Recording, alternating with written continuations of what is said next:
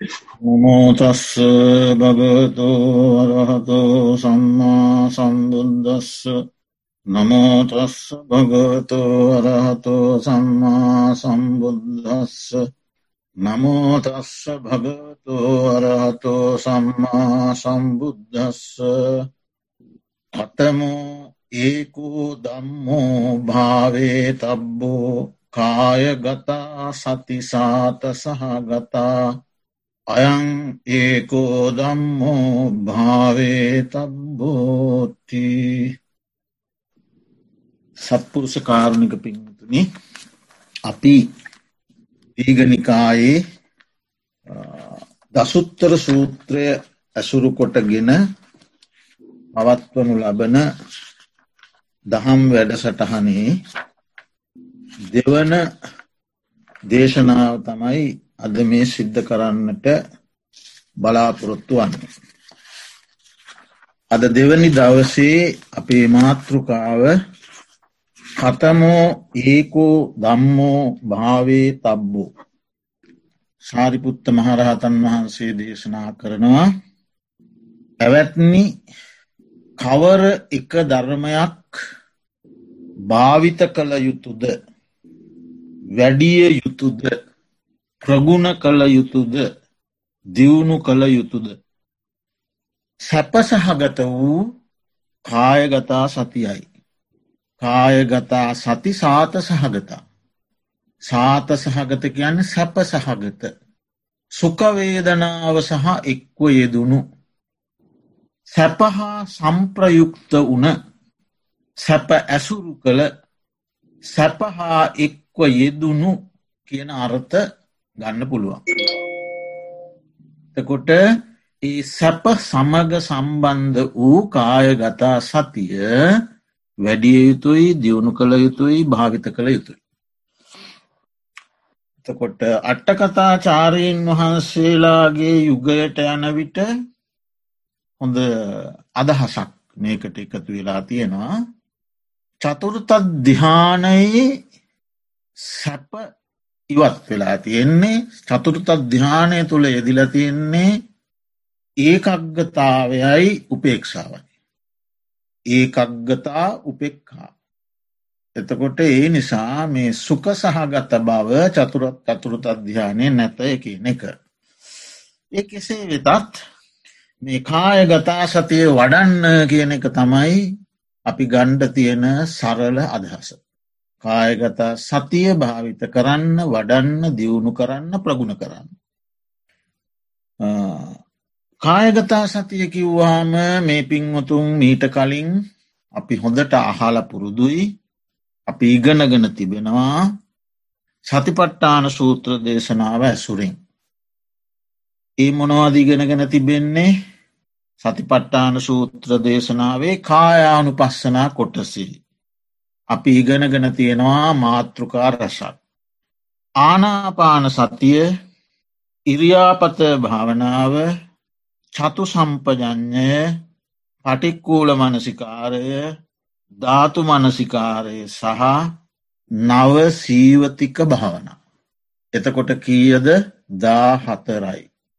ආනාපාන සති ඉරියාපත සම්පජඥ තුනයි පටික්කූල මනසිකාර හතරයි ධාතු මනසිකාර පහයි සීවතික භාවනා නමයයි. දා හතරයි. මෙදා හතරම කායගතා සතියට ඇතුළත්. ඒ වගේම කාය ගතා සති සූත්‍රය කියලම සූත්‍ර දේශනාවක් මජ්ජිම නිකායේ ඇතුළත් වෙනවා. ඒ කාය ගතා සති සූත්‍ර දේශනාවේ අපි කලින් කියන ලද භාවනාකමටහන් දාහතරට තව හතරක් එකතු වී තිබෙනවා. ඒ තමා රූපාවචර ධ්‍යාන හතර. ප්‍රථමධ්‍යානය දවිතීය ධ්‍යානය තෘතිය ධ්‍යානය චතුරුතත් ධ්‍යානය. ඒ හතරත් එකතු වනාම දහ අටක් වෙනවා. සතිපට්ටාන සූත්‍රයේ දා හතරයි කායගතා සති සූත්‍රයේ හතරක් එකතුනාම දහටයි. කායගතා සති සූත්‍රයේම දහටක් අරදා හතරමක් තියෙන අලුත් හතරක් එකතුවෙන. දහටයි. ඒ වගේම මේ දහ අටටම අට්ටකතාචාරීන් වහන්සේලා එකතු කරලා තියෙනවා තව භාවනා කමටහන් එකොළහක්. ඒමනවාද දස අසුභ එතන දහයයි. සහ චුන්නික මනසිකාර. චුන්නික මනසිකාර. ඒ කියන්න මේ ශරීරය මරණින් පසු ක්‍රමාණුකූලව දිරාපත් වෙලා සුන්නු වැනි ස්වභාවයට පත්වෙනවා. ඇට කැබලි පවා දිරාපත් වෙලා සුණු ස්වභාවයට පත්වීම. ඉතා සියුම් ලෙස කැඩී සුණු බවට පත්වීම. එතකොට ඒ කොළහත් එකතු වෙලා තියෙන. කෙසේ නමුත් මේ කියන ලද කායගතා සති භාවනාවන්ට අයත් කුමන භාවනාවක් හෝ වඩන දියුණු කරන ප්‍රගුණ කරන පුරුදු කරන නැවත නැවත භාවිත කරන එක තමයි මේ තුළින් ශාරිපුත්ත මහරහතන් වහන්සේ දේශනා කරන්න. කවර ධර්මයක් වැඩිය යුතුද. කායගතා සතියයි. දැන් අපි ඉගෙන ගත්තා දාහතරයි ඉට පස්සේ ආය හතරක් එක තුනා දහ අටයි දසා සුභය විසි අටයි චුන්නික මනසිකාරයි විසි නමය. මේ සියල්ලම කායගතා සති. එයින් තමන්ගේ චරිතයට ගැලපෙන කමටහනක් තෝරාගෙන කල්්‍යයාන මිත්‍රයන් වහන්සේ නමක් නිරන්තරයෙන් ආශ්‍රය කරමින් අවශ්‍ය අවවාද අනුශාසනා ලබාගෙන භාවනා වශයෙන් වඩන ලද සිහියට කියනවා කාය ගතා සති කය අනුව ගිය සිහිය කියන එකයි එහි අදහැස. එතකොට දැන් මේ ආනාපාන සති කමටහනෙහි සතිපට්ටාන සූත්‍රය සහ කායගතා සූත්‍රය ගත්තොත් එහි අන්තර්ගත වෙන්නේ සතෝ අස්ස සති සතෝ පස්ස සති කියන එක සාමාන්‍යයෙන් භාවනාවට ප්‍රවේශවීම. ඒ ප්‍රවේශවීම කියන කොටස හැර එතනින් එහාට භාවනා වැඩීගෙන යන කොටස ගත්තොත් සතිපට්ටාන සූත්‍රයහිත් කායගතා සති සූත්‍රයහිත් අන්තර්ගත වෙන්නේ ආනාපාන සති ධර්මතා හතරයි කමටහන් හතරයි. නමුත් සතිපට්ටාන සංයුක්තයේ තිබෙන සමහර සූත්‍ර දේශනාවලත් ගිරිමානන්ද සූත්‍ර දේශනාවෙහිත් ආනාපාන සති කාණ්ඩ කොටස් වැඩිය යුතු වැඩෙන ධර්මතා දාසයක් දැක්වෙනවා. නැවත සතිපට්ටාන සූත්‍රය සහ කායගතා සූත්‍රයේ හතරක් හතරකුත් හතර බැගිනුත් සෙසු සූත්‍ර දේශනා සමහරක දාශය බැගිනුත් දැක්වෙනවා. ඉදැක්වෙන්නේ සතිපට්ටාන සූත්‍ර දේශනා වෙහි කායානු පස්සනා කොටසට ආනාපාන සතිය ඇතුළත් කරන විට ඒ කායානු පස්සනාවට අයිති වෙන්නේ හතරක් බැවින්. සහ කාය ගතා සති සූත්‍රයේ තුළම සඳහන් වෙන්නේ කය අනුව ගිය සිහිය බැවින් ඒ කය කොටසට ඇතුළත් වෙන්නේ හතරක් බැවින්. එනිසා කය කියන කොටසත් එක්ක සම්බන්ධ වෙලා පවතින හතරක්. ඉතිරි ඒව සම්බන්ධ වෙන්නේ වේදනා චිත්ත දම්ම. මංකිව්වන අනිස්සූත්‍රවල දාසයක් තියෙනවා ගිරිමානන්ද සූත්‍රයේ ඒ දාසයෙන් හතරක් කායානු පස්සන. හතරක් වේදනානු පස්සන. හතරක් දම්මානු පස්සන. හතරක් චිත්තානු පස්සන. අන්නේ නිසා මෙතනදී හතරක් ගෙන තිබෙනවා මහා සතිපට්ටාන සූත්‍ර දේශනාව. කය කියන කොටසට වෙන් වූ. එනිසා එහි ප්‍රශ්නයක් ඇතිකර ගත යුතු නෑ. කෙසේ නමුත් මෙන්න මේ කියන ලද කුමන හෝ කමටහනක් දියුණු කිරීම තමයි මෙතන ඒ අනුව පවතින සිහිය පැවතිය යුතු සිහිය වඩන සිහිය වැඩිය යුතු සිහිය වඩා වර්ධනය කරගත්ත සිහිය තමයි කායගතා සතිය.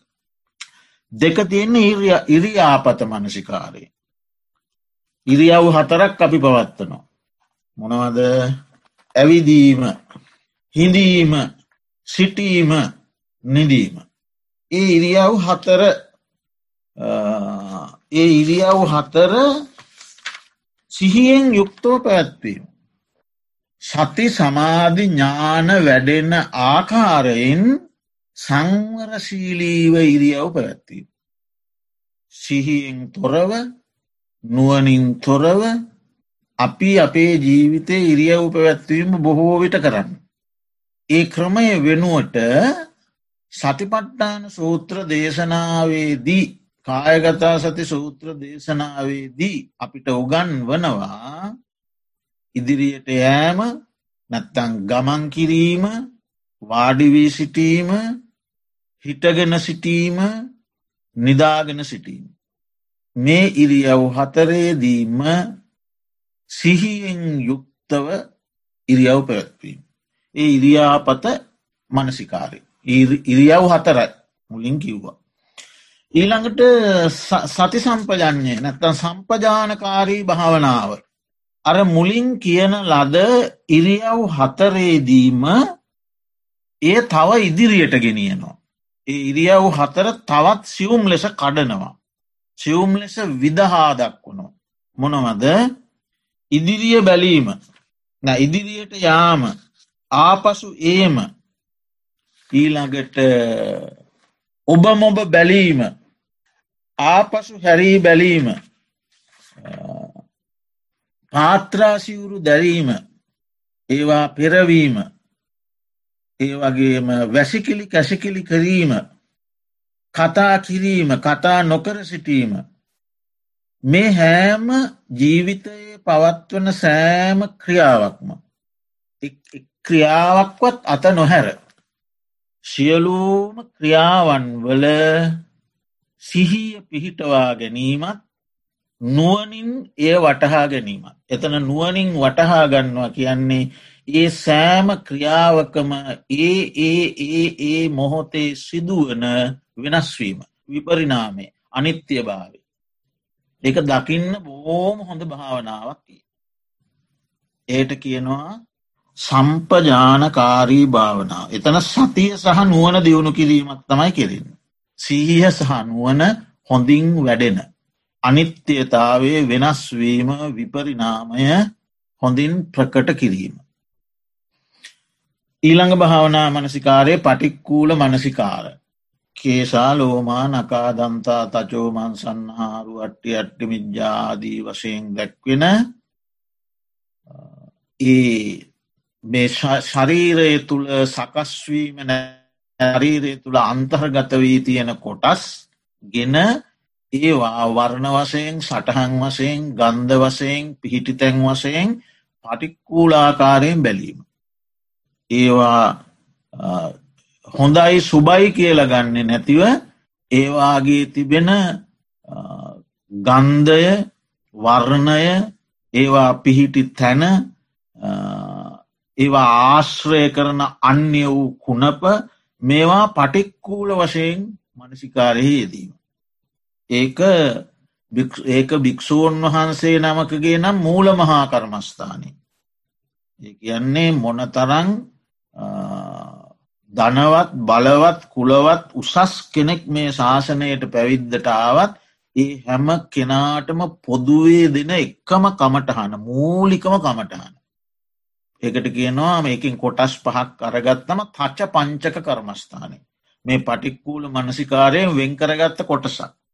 කෙස් රොදක් කපල අතට දීලා ඒ කෙස් රොදේ පටික්කූල බව මෙනෙහි කරන්න කියල තමයි කෙස් කපන්න. අන්නේ භාවනා මනසිකාරය. ඉළඟට ධාතු මනසිකාරය. මේ ශරීරය පටවි කොටස් විශ්ෂකට ආපෝ කොටස් දොළහකට තේජෝ කොටස් හතරකට වායෝ කොටස් හයකට බෙදාගන්න. කෙස් පටවි කොටසක්. ලොම් පටවි කොටසක්. නියපොතු පටවි කොටසක්. දත්න් පටවි කොටසක්. ඔය විදිහට. පිත්ත ආපෝ කොටසක්. සෙම ආපෝ කොටසක්. සැරව ආපෝ කොටසක්. එහෙම. කොටස් තිස් දෙහකට බෙදාගෙන ධාතු මනසිකාරයේදීම. ඊළඟට නව සීවතික මලකුණක ස්වභාවිකවම සිදුවන වෙනස්කම් නමයක් නිරීක්ෂණය කරමින්. ඒ තමන්ගේ ජීවිතයත් සමඟ සම්බන්ධ කොට බැලීම. ඉතිං ඔය ඔක්කොම අයිති වෙන්නේ කාය ගතා සතියට. ඊට අමතරව කායගතා සති සූත්‍රය අනුව රූපද්‍යාන හතරක් කායගතා සතියට කොට තිබෙනවා. ඉතින් මේ කියන ලද ආකාරයෙන් කායගතා සතිය වැඩිය යුතු එකම ධර්මය වසයෙන් එක් ධර්මයක් ලෙස ගත් කළ වැඩිය යුත්තේ කායගතා සතිය බව සාරිපුත්ත මහරහතන් වහන්සේ ධර්මයේ පරතරට පත් වූ ප්‍රඥාවෙන් අග්‍රස්ථානය ලැබූ මහරහතන් වහන්සේ දේශනා කරනු ලබනවා. දැන් අපි බලමු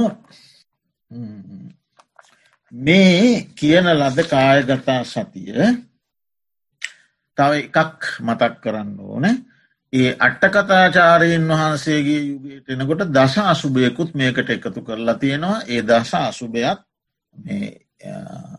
මේකෙදි කෙටි හැඳින්වීමක් කරන්නට ඕන.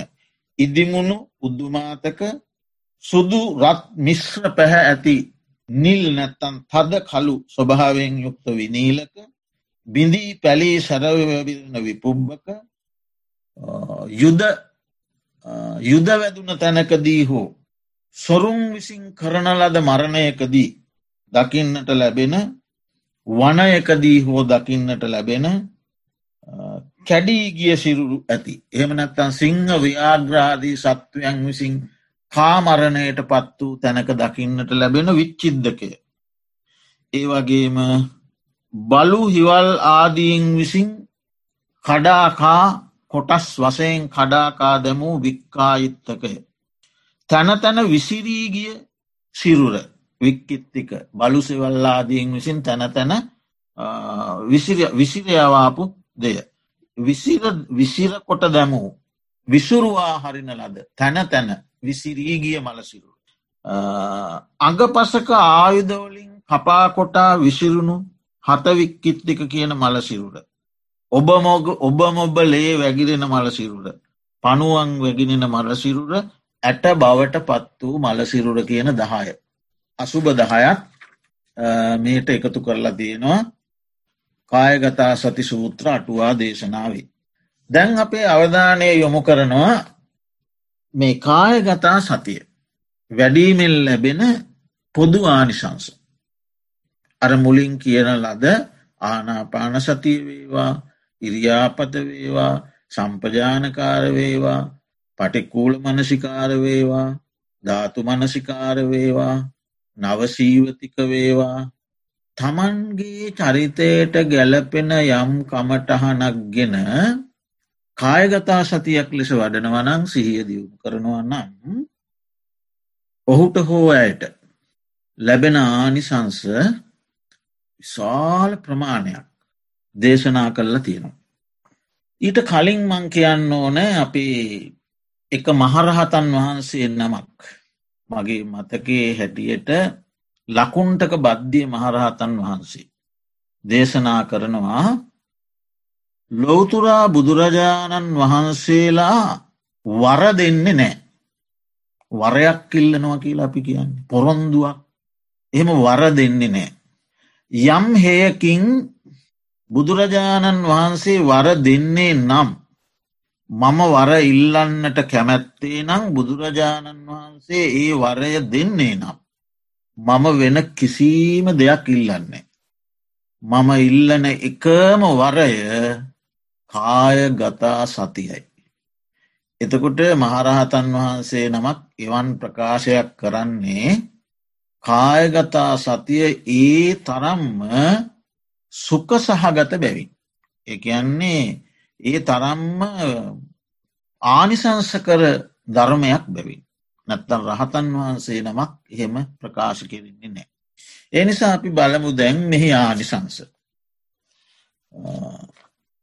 අංගුත්තර නිකායේ ප්‍රථම භාගයේ අසු අටවෙනි පිටුවේ දැක්වෙනවා බුද්ධ ජයන්ති ධර්ම ග්‍රන්ථයේ යම්කිසි කෙනෙක් දිවස පතුරවලා දිවස පතුරුවලා දිබ්බචක්කුඥානි පතුරුවලා මහා සමුද්‍රය තමන්ගේ දිවැසිං දකින්නවා නම් එයාට මේ ලෝකයේ තියෙන සියලූම කුඩා නදී එහි ඇතුළත් වෙලායි පේන්නේ. ඒ ඇන්න මේ ලෝකයේ යම්තාක් මහාගංගා කුඩාගංගා තියෙනවනම් ඒ සියල්ලම මේ මහා සමුද්‍රයට ඇතුළක් තෝට මහා සමුද්‍රයේ සිතිං පහස්නාකොට නැත්තං සිතෙන් විමසා බලනකොට එයාට අර ගංගාවලුත් ඒ තුළට ඇතුල්වයි පේන්නේ. තින් තවත් සරලෝ කිවොත් මහා සමුද්‍රය කියන එකට ගංගා කුඩා ගංගා සියල්ලම ඒකට ඇතුළක්. අර ඇත්පිය සටහනට අනිත් සියලු දෙනාගේ පිය සටහන් ඇතුළත් වෙනවා වගේ සඳ එලියට සියල්ලවූම තරුවෙලි යටපත් වෙනවා වගේ මහා සමුද්‍රයට අර කුඩා ඇලදුළ ගංගා සියල්ල යටත්. අන්න ඒ වගේ යම්කිසි කෙනෙක් කායගතා සතිය වඩනවන් නම්. බහුල වසයෙන් පුරුදු පුහුණු කරනවන් නම්. අෂ්ට විද්‍යාවන් සේවනය කරන. අෂ්ට විද්‍යා මොනවද අෂ්ට විද්‍යා. විදර්ශනාඥානය මනෝමය ඉද්ධඥානය ඉද්ධිවිධඥානය දිබ්බසෝතඥානය දිබ්බචක්කුඥානය පුබ්බේ නිවාසානස්සුඥානය පරචිත්තම් විජාන්නඥානය ආශ්‍රවක්ෂය කර ඥානය. මේ අෂ්ට විද්‍යා භජනය කරන ආශ්‍රය කරන යම් කුසල ධර්මයක් වෙද්ද.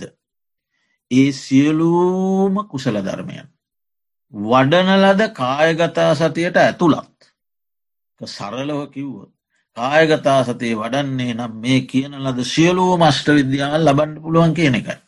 නමුත් මෙහි දෙන්නේ කොහොමද අදහස කායගතා සතිය වඩන ලද්දේ නම් බහුල කරන ලද්දේ නම් අෂ්ට විද්‍යාවන් ඇසුරු කරන යම් කුසල ධර්මයක් වේද. ඒ සියල්ලම මේ කායගතා සතියට ඇතුළත් වෙනවා. ඒ තරං ආනිසංස කරයි. ඊළඟට දෙක. මහතෝ සංවේගාය සංවත්තති. ධර්මඥානයත් සමග යෙදෙන කලකිරීම. ධර්මඥානය හා මිශ්‍රවුන දුකින් නිදහස්වීමට ප්‍රබල්ල ලෙස මෙහේවන ස්වභාවයක්කේ. සංවේගයක් දුකක් නෙවෙයි සංවේගය කියන දුකක් නෙවෙයි. ධර්මඥානයත් එක්ක යෙදුන මෙහේවන ස්වභාවයක්. කලකිරුණු ස්වභාවයක්. මෙයින් නිදහස්වෙන්ට ඕනෑ කියන හැඟීමක් දෙන ස්වභාවයක්. ඒ වගේ තත්ත්වයක් චෛතසික ස්වභාවයක් මානසික හුරුවක් ලැබෙනවා කායගතා සතිය වඩනකොට. මහතෝ අත්තහාය සංවත්තති. අටුවාචාරීන් වහන්සේ දක්වන්නේ සතර මාර්ගය මහත් අර්ථය කියල කියන සතර මාර්ගී. ඒ සතර මාර්ගය පිණිස හේතුවෙනවා. මොකක්දේ සෝවාන් මාර්ගය සකදාගාමී මාර්ගය අනාගාමී මාර්ගය අරිහත් මාර්ගය. මේ අත්ත කියන වචනය තුළ තව අර්ථ තියෙනවා. දිට්ට දම්මිකේන අත්ත සාම්පරායිකේන අත්ත ඒ ඇන මෙලොවාර්ථය පරලොවාර්ථය ලෞකික අර්ථය ආධ්‍යාත්මික අර්ථය.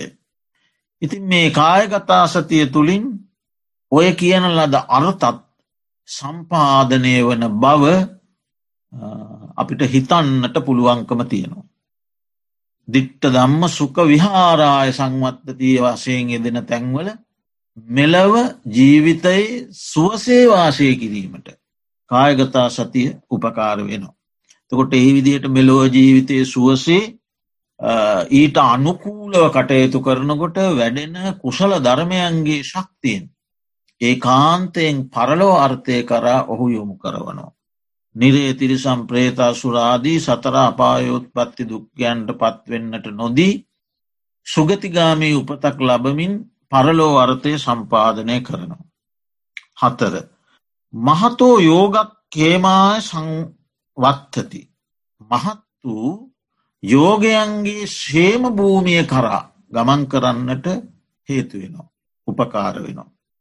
තොට යෝග කියන්නේ කාමයෝග භවයෝග දිට්ටි යෝග අවිද්‍යා යෝග ඕග කියන්නේ සැඩපහර යෝග කියන්නේ යොදනවා. එතකොට කාමයන්හි යොදවන භවයෙහි යොදවන දිට්ටිහේ යොදවන අවිද්‍යාවෙන් යොදවන සසරහි යොදවනවා. කාමය විසින් භවය විසින් දිට්ටි විසින් අවිද්‍යාව විසින්. පුද්ගලයා සංසාරය යොදවනවා.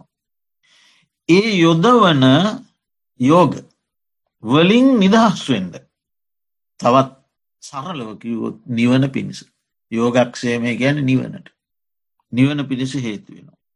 මහතෝ සති සම්පජඥාය සංවත්තති. මහත් වූ සිහියක් මහත් වූ නුවනක් ලබන්නට උපකාර වෙනවා. තවත් විදිහකින් කිව්වොත් තමන්ගේ එදිනදා ජීවිතයේ ක්‍රියාකාරකම් සිහියෙන් සහ නුවනින් යුක්තව පවත්වීමේ ශක්තිය ලබා දෙනවා. මහතෝ ඥාන දස්සන පටිලාභාය අට්ටකතාචාරීන් වහන්සේගේ අදහස දිබ්බ චක්කුඥානය පිණිස හේතුවෙනවා. දිවැස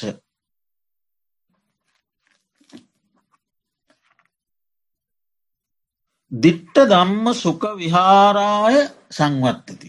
අන්න මෙලව ජීවිතය සැහැල්ලුවෙන් පහසුවෙන් පීඩාවකින් තොරව ගත කරන්නට මේ ජීවිතය සැපසේ වාසය කරන්නට හේතු උපනිශ්‍රය වෙනවා. දිට්ට දම්ම සුක බුදුරජාණන් වහන්සේගේ ධර්මය තිබෙනවා උබහෝ අත්හාය කියලා තත්ත්වයක් නැත්තං ඉගැන්වීමක්. උබහෝ අත්හාය කියලා කියන්නේ දිට්ට දම්ම සම්පරාය. දිට්ට දම්ම හිතත්තාය සම්පරාය සුකය නච එහෙමයි ධර්මය ඉන්න සූත්‍රයම සඳහන් වෙනවා. ඔහු මෙලෝ අර්ථයත් සම්පාධනය කරගත්තා පරලෝ අර්ථයත් සම්පාධනය කරගත්ත. අර චක්කු සූත්‍රයේ සඳහන් වෙන්නේ මේ ලෝක ඉන්න මිනිස්සු අර්ග තුනා. එක්කනෙක්කින්නවා මෙලෝ අර්ථයත් විනාශ කරගෙන පරලෝ අර්ථයත් විනාශ කරගෙන හු අන්දයෙක් ඇස් දෙකම පේන්නේ.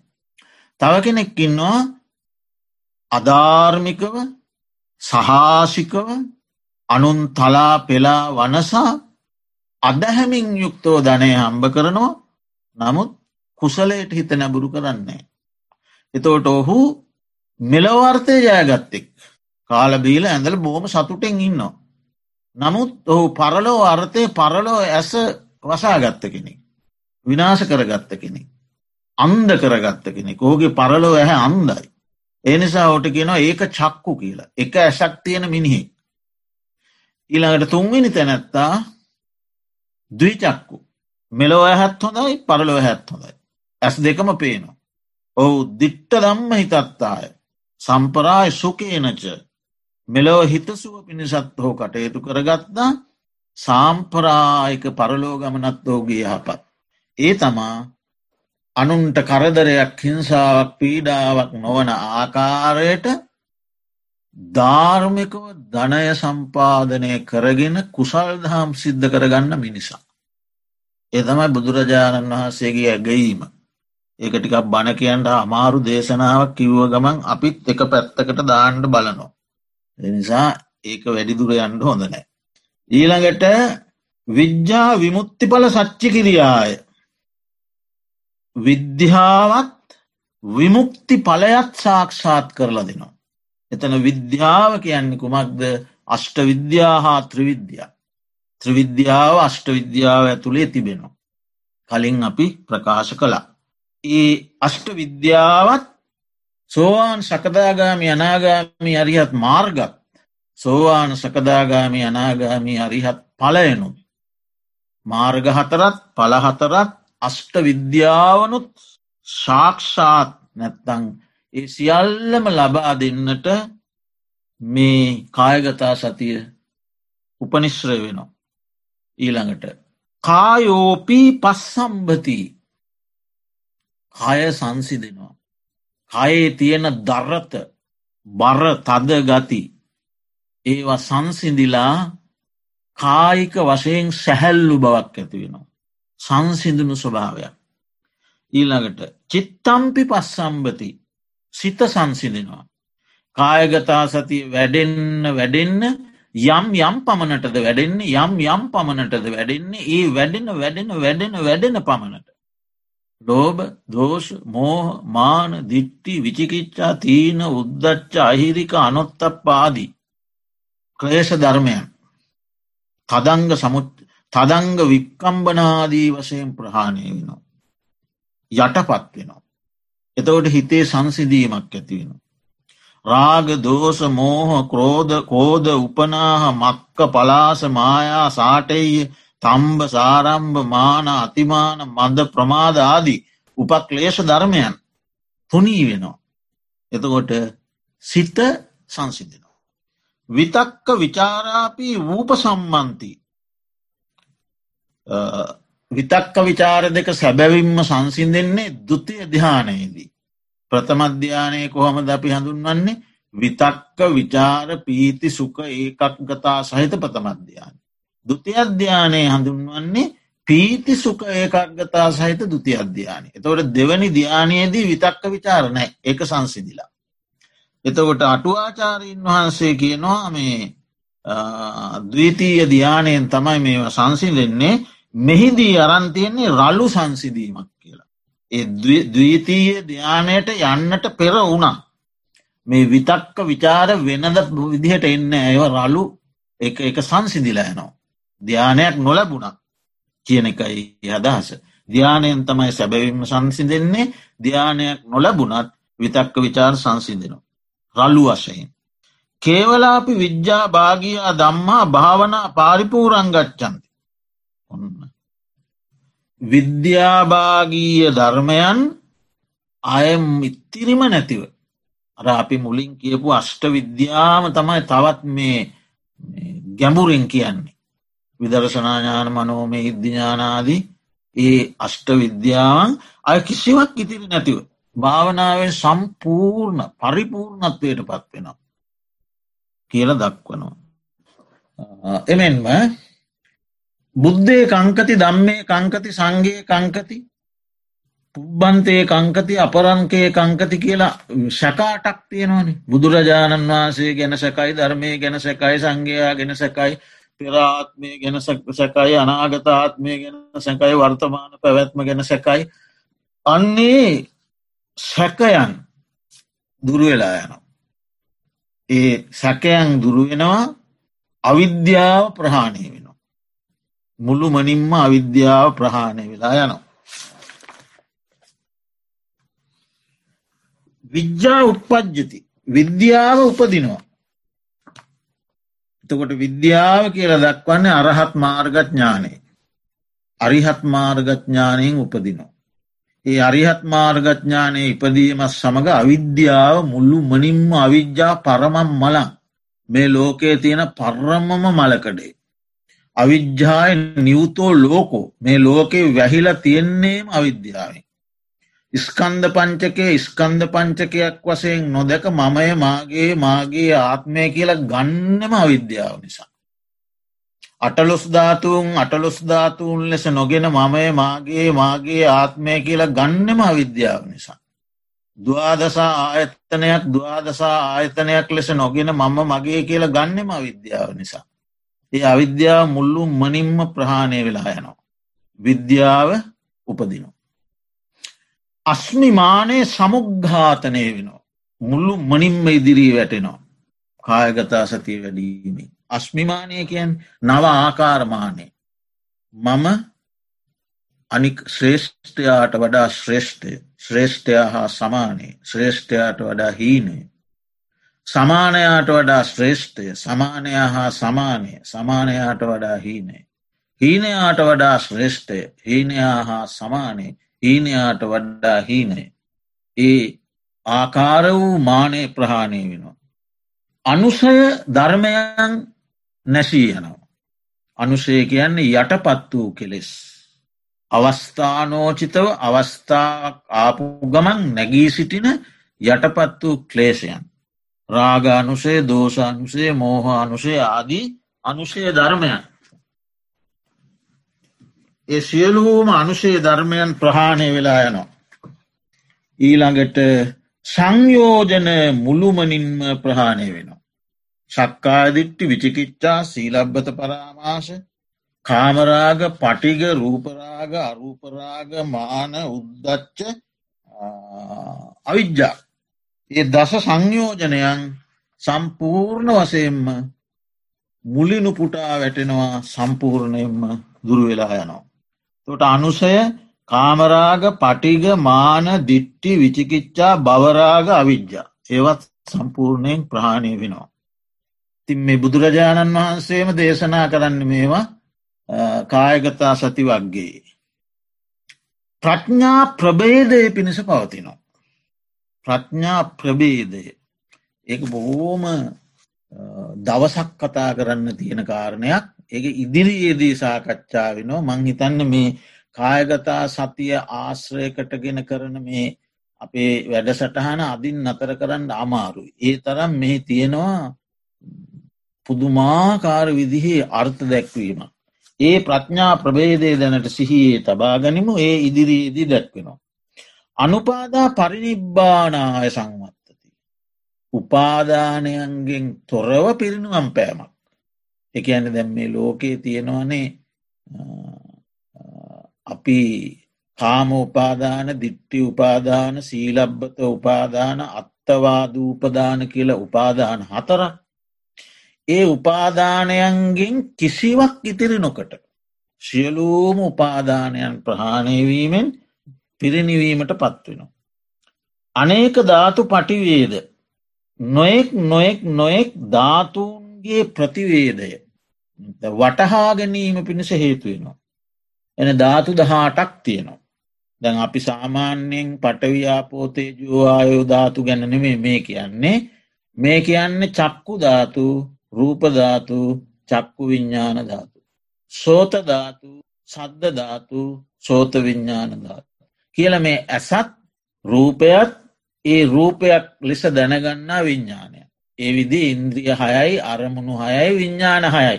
ඒ ධාතු දහාට. ඒ අනේක ධාතු.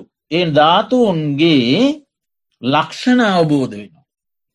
ඒවා ඒ ස්වභාව ලක්ෂණ අවබෝධ වෙනවා. එතකොට අපි ආය කවදාක්වත් මේ මේ භාවනා මනසිකාරය හොඳට වැඩී ගියොත් මගේ ඇස මා දකින රූපය ආදීවෙස ලෙස ගත්තොත් ඒ ගන්න සම්මුති වසයෙන් පමණයි. පරමාර්ථ වසයෙන් ඔහු දකිනවා මේ හෑම තැනම තියෙන්නේ ධාතු ස්වභාවයක් කියලා. නානාධාතු පටිවේද. ඒ ඒ සියලූම ධාතුන්ගේ නානා ස්වභාවයන් විවිධාකාර ලක්ෂණ හඳුනාගන්න. අනේක ධාතු පටිසම්බිධා ලක්ෂණ. මේ මේ ධාතු උත්සන්නවීමෙන් මේ මේ ධාතු හටගන්නවා මේ මේ ධාතු උත්සන්නවීමෙන් මේ මේ දෙයාතු හටගන්නවා ඒ ධාතුන්ට මේ මේ නම් කියන්නේ මේ මේ හේතු මතය කියලා අවබෝධ කරගන්න. එක බුදුරජාණන් වහන්සේට තමයි ඉතිරියක් නැතිවම ඒ අවබෝධය තිබෙන්නේ. භාග්‍යවතුන් වහන්සේට තමයි ඉතිරියක් නැතිවම තියෙන්නේ. ඉතින් ඔන්න ඔය විදියට කියන්න ලද නානාකාර වූ නොයෙක් නොයෙක් ආකාර වූ ආනිශංස කර ධර්මයන් ලබන්නට මේ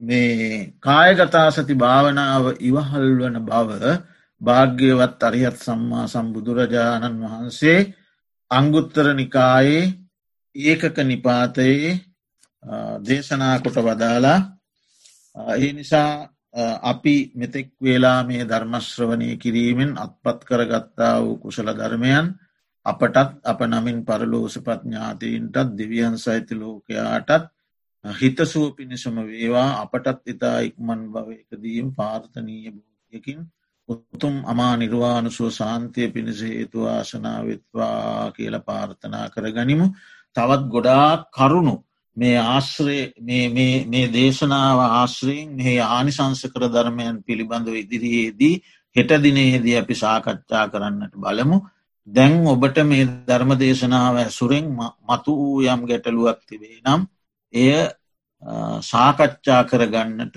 අපි අවස්ථාව ලබාදිනවා.